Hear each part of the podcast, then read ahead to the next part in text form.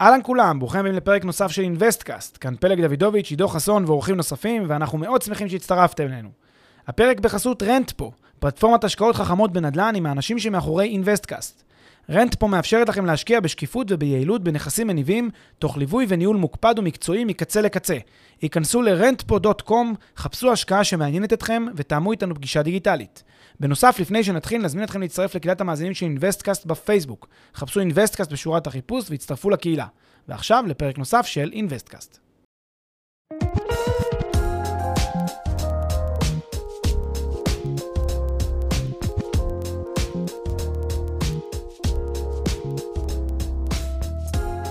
שלום לכולם, אנחנו בפרק מספר 15 של InvestCast, והיום אנחנו רוצים לדבר על התהליך ההכרחי של למידה לפני כניסה להשקעה מכל סוג שהוא, ועל החשיבות של אותו תהליך, וגם לנסות למצוא ולדבר על נקודת האיזון שבין אה, מתן אמון בגורמים שמלווים את עסקת ההשקעה לבין קבלת החלטות אה, מודעת ועצמאית. אה, אז פלג, אנחנו יודעים שרוב המשקיעים נוטים לתת אמון באנשים או במומחים שמלווים או מנהלים את ההשקעות שלהם, ואנחנו גם יודעים שהאמון הזה הוא הכרחי כדי שהגלגלים של עולם ההשקעות והיזמות בכלל ימשיכו לזוז. אבל uh, עד כמה אנחנו צריכים לתת אמון, או מה גבולות הגזרה או גבולות האחריות שלנו בתהליך של כניסה להשקעה? הסיפור של uh, השקעות uh, מיודעות, כמו שאנחנו קוראים לו, הוא סיפור, אני חושב, קריטי uh, לכל משקיע, לכל משקיעה, ש... שנכנסים להשקעה uh, בארץ, בחו"ל, בין אם זה בנדל"ן, בין אם זה בשוק ההון, בין אם זה uh, במכשירי השקעה אחרים, בסטארט-אפים למשל. החשיבות של השקעה מיודעת היא מתבטאת ב, ב, בשני רכיבים. קודם כל ברכיב השלילי. כשאנחנו לא עושים אה, השקעה מיודעת, כלומר אנחנו נכנסים להשקעה בצורה, אה, אפשר לקרוא לזה תמימה, בצורה אה, ללא בדיקות, אה, ללא שאנחנו לומדים לעומק, ללא שאנחנו מכירים מספיק את השדה, לא שאנחנו מכירים מספיק את הנכס, את הפרויקט, את העסקה. אמ, מה שאנחנו עושים, אנחנו בעצם מעבירים את כל, ה... את כל שיקול הדעת שלנו למישהו אחר. אנחנו נותנים לו בעצם לקבל את ההחלטות שאנחנו היינו אמורים לקבל, אנחנו נותנים לו לקבל אותן. עכשיו, בהרבה מקרים, הרבה אנשים נוטים לחשוב שבסדר, אין בעיה שמישהו אחר יקבל את ההחלטה עבורי. בדיוק כמו שיועץ השקעות בבנק, כשאני מוסר בידיו 100 אלף שקל כדי שישקיע וישחק עם מניות ועם אג"ח, אני סומך עליו שהוא יעשה את זה טוב, אז אני גם סומך על אנשים אחרים שמנהלים לי השקעות אחרות, שהם יעשו את זה טוב. ואז הנטייה שלנו היא להגיד, אני מוסר את שיקול הדעת שלי אליו, אבל אני לא ממש למישהו אה, כזה אלמוני, שאני לא יודע מי הוא, שאני לא יכול אה, להכיר אותו, לא יכול להגיע אליו. זה למישהו שאני מלכתחילה סומך עליו, סומך על שיקול הדעת שלו. אני גם פחות סומך על עצמי בדברים האלה, ההנחה שאני פחות מבין בהם, פחות טוב בהם, ולכן כשאני מוסר לו את uh, שיקול הדעת הזה, אני כאילו מוסר למישהו שהוא טוב בדיוק כמו שאני הייתי יכול להיות, ואפילו יותר מכך. ברוב המקרים זה יותר מכך. ככה אני, ככה הרבה אנשים מניחים. אז הרכיב הראשון של ההשקעות מיודעות זה שאנשים בעצם לא עושים השקעות מיודעות, הם בעצם מוסרים את שיקול הדעת שלהם למישהו אחר מלבדם. והרכיב השני זה הרכיב החיובי של ההשקעה המיודעת, זה מה היה קורה אם כן הייתי לומד את העסקה. מה כן הייתי אה, שם לב אליו, מה כן הייתי מקפיד לבחון. עכשיו בואו נעשה שנייה לצלול לכל אחד משני הרכיבים. הרכיב השלילי, זה שדיברתי עליו קודם, רכיב שבו אני בעצם מוותר על, על, על שיקול דעת עצמי, נותן למישהו אחר להחליט. כאן יש כמה, כמה דברים שצריך לקחת בחשבון. קודם כל, אחד שמנהל עבורי את ההשקעה, מנהל עבורי את ה... הוא עושה את הדברים מנקודת המבט שלו. עכשיו, לא חשוב כמה אני סומך עליו וכמה אני נוטה להאמין לו וכמה הוא בן אדם אמין ושטובתי יקרה לו מפז, זה בכלל לא משנה, כי דבר אחד בטוח, בוודאות, האינטרסים שלו עולים על האינטרסים שלי. גם אם הם 99 אחוזים, גם אם הוא פועל כמעט כולו לטובתי, עדיין יש לו אינטרסים ולו בודדים, אה, שהם עולים על האינטרסים שלי.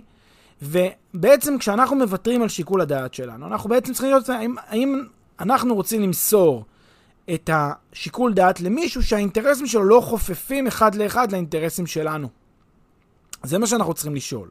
כלומר, האם אנחנו יכולים, לא משנה כמה אנחנו נותנים, נותנים לו אמון וכמה אנחנו סומכים עליו שהוא ידע מה לעשות עם הכסף שלנו, אנחנו צריכים להניח שלפעמים הוא, הוא, הוא מוטה מאינטרסים שיש לו. וניתן דוגמאות לכל מיני דברים שאנחנו רואים בשוק שאנחנו פעילים בו. אגב, כל השדה הזה של השיחה שלנו הוא בא על רקע זה שאינבסטמרט היא בדיוק הפוך מכך לצורך העניין, מה שאנחנו עושים בימים שלנו, אנחנו דוגלים בכך שמשקיע צריך להיות מיודע, לעשות השקעה שהיא מיודעת. אנחנו אף פעם לא, למשל, מייעצים למשקיע מה לעשות, אנחנו יכולים לעזור לו, להנגיש לו השקעה. לא להחליט עבורו, לא לקחת לו שיקול דעת, כל, זה, זה בסוף החלטות שלו, הוא צריך לקבל אותן.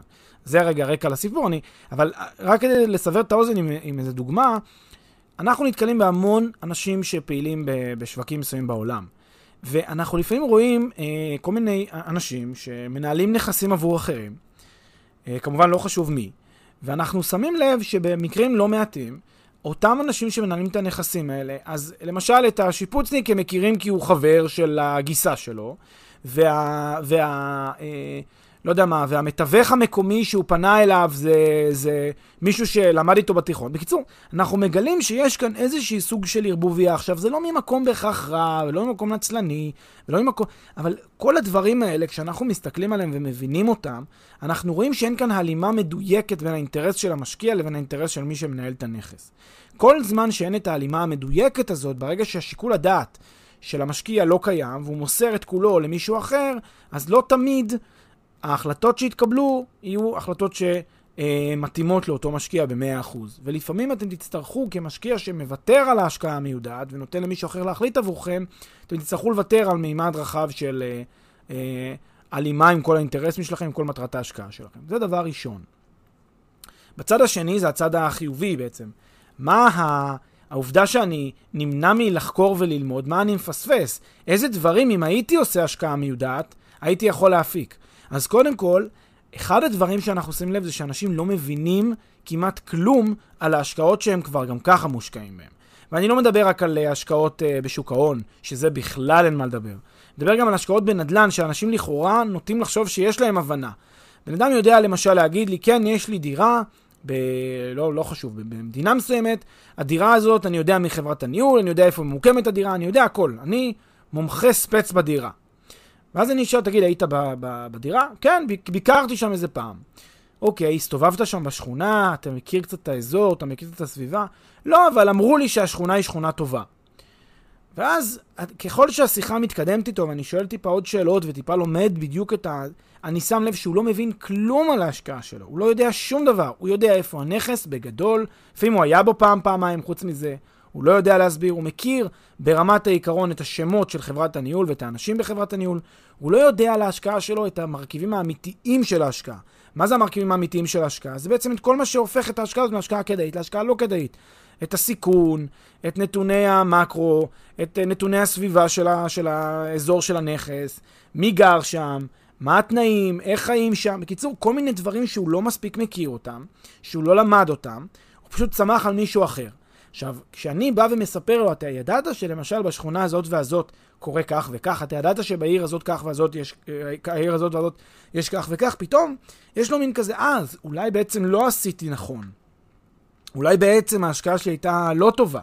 כי עכשיו כשאני חושב על זה שוב, כשאתה מספר לי את הדברים האלה, לא ידעתי את זה בכלל, לא בטוח שהייתי נלהב כל כך לקנות את הנכס שם.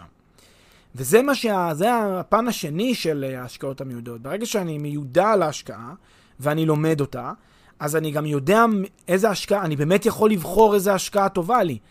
הרי כשלי באים ואומרים לי מלכתחילה, הנה השקעה שהיא טובה, ואני נותן את יהבי על מי שאומר לי שהיא טובה, זה מונע ממני את היכולת להשוות אותה להשקעה אחרת שאולי יותר טובה לי, כי אני פשוט לא יודע עליה אם היא טובה או לא.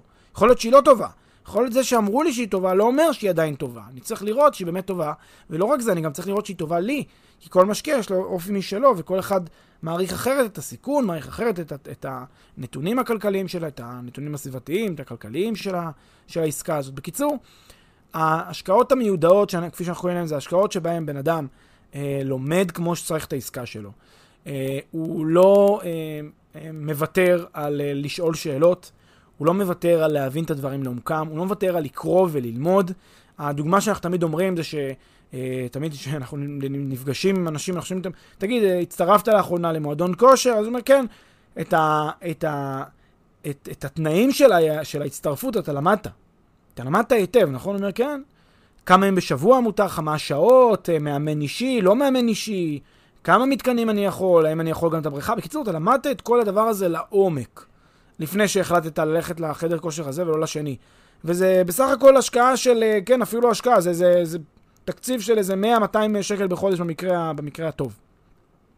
פה יש נכס שהוא החסכונות שלך ושל הילדים שלך, ולא למדת אותו, לא השקעת בו מחשבה, נתת למישהו אחר שאתה חושב שהוא בהכרח רוצה בטובתך המלאה, לא שהוא בהכרח גם לא, אבל אתה הנחת שהוא רק רוצה בטובתך המלאה, ובעצם לא הפעלת שיקול דעת בעצמך לגבי ההשקעה, לא יכולת לדעת אם היא טובה או לא באמת עבורך מבחינה, בהשוואה להשקעות אחרות, ובגדול, אה, בגדול זה גורם לך להיות, אה, אה, לעשות החלטת השקעה שהיא לא בהכרח טובה ולא בהכרח מתאימה לך.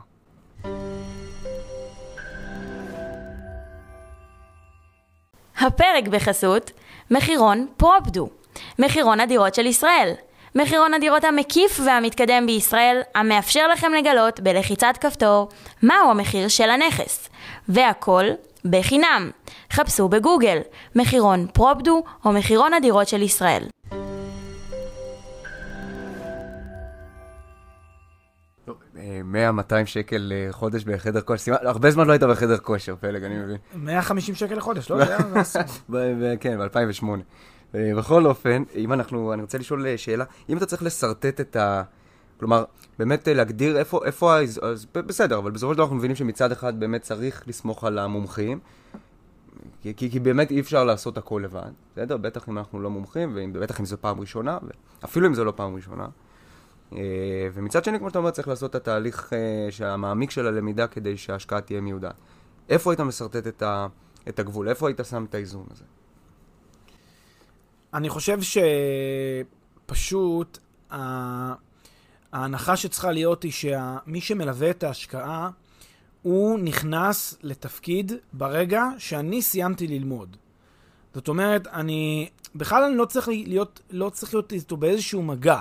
אני צריך לקבל ממנו הצעת השקעה, לצורך העניין, הזדמנות השקעה, בין אם זה הזדמנות השקעה דיגיטלית שמישהו מראה לי אותה באינטרנט, או בין אם מישהו נפגש איתי ומסביר לי אותה. מהרגע הזה אני צריך לקחת לי זמן, לא לדבר עם, עם הבן אדם הזה, לא לדבר עם אף אחד שקשור אליו. אני יכול לשאול אנשים עליו, איך הוא, אם אני רוצה עוד לקבל קצת רושם עליו, אבל הוא לא העניין פה, העניין פה זה ההשקעה שלי. מה שאני צריך לעשות זה ללמוד את ההשקעה, ללמוד אותה טוב, להחליט שההשקעה הזאת מתאימה לי, ואחרי... הוא משמש ככלי בסופו של דבר למימוש של... למימוש של מה שאני בחרתי שהוא טוב, כן. ב- לפי שיקול הדעת שלי. ואחרי שעשיתי את כל התהליך הזה, הנחתי למנות אותו, אז אני יכול להיות רגוע שגם... אז, לא, אז עכשיו, יכול להיות גם שאחרי שלמדתי כמו שצריך, אני עדיין אחליט שהוא לא טוב לי. בגלל שקיבלתי על המלצות שליליות, אבל תודה על ההזדמנות, למדתי משהו מאוד חשוב על השוק המקומי. עכשיו אני אלך לחפש מישהו אחר שאני כן סומך עליו, שידע לנהל את זה גם טוב as good as him, אולי טוב יותר. אז, אז זה, זה האיטרציה עכשיו הנכונה לעשות פה. כלומר, אני קודם כל צריך להשתכנע שההשקעה היא טובה, אחר כך לעבור לחברת הניהול או לאיש הניהול שינהל לי את זה, ו... ולא הפוך, ולא... ובטח לא לוותר על למידת ההשקעה. טוב, אז uh, תודה רבה, ופעם הבאה בפרק מספר 16. תודה.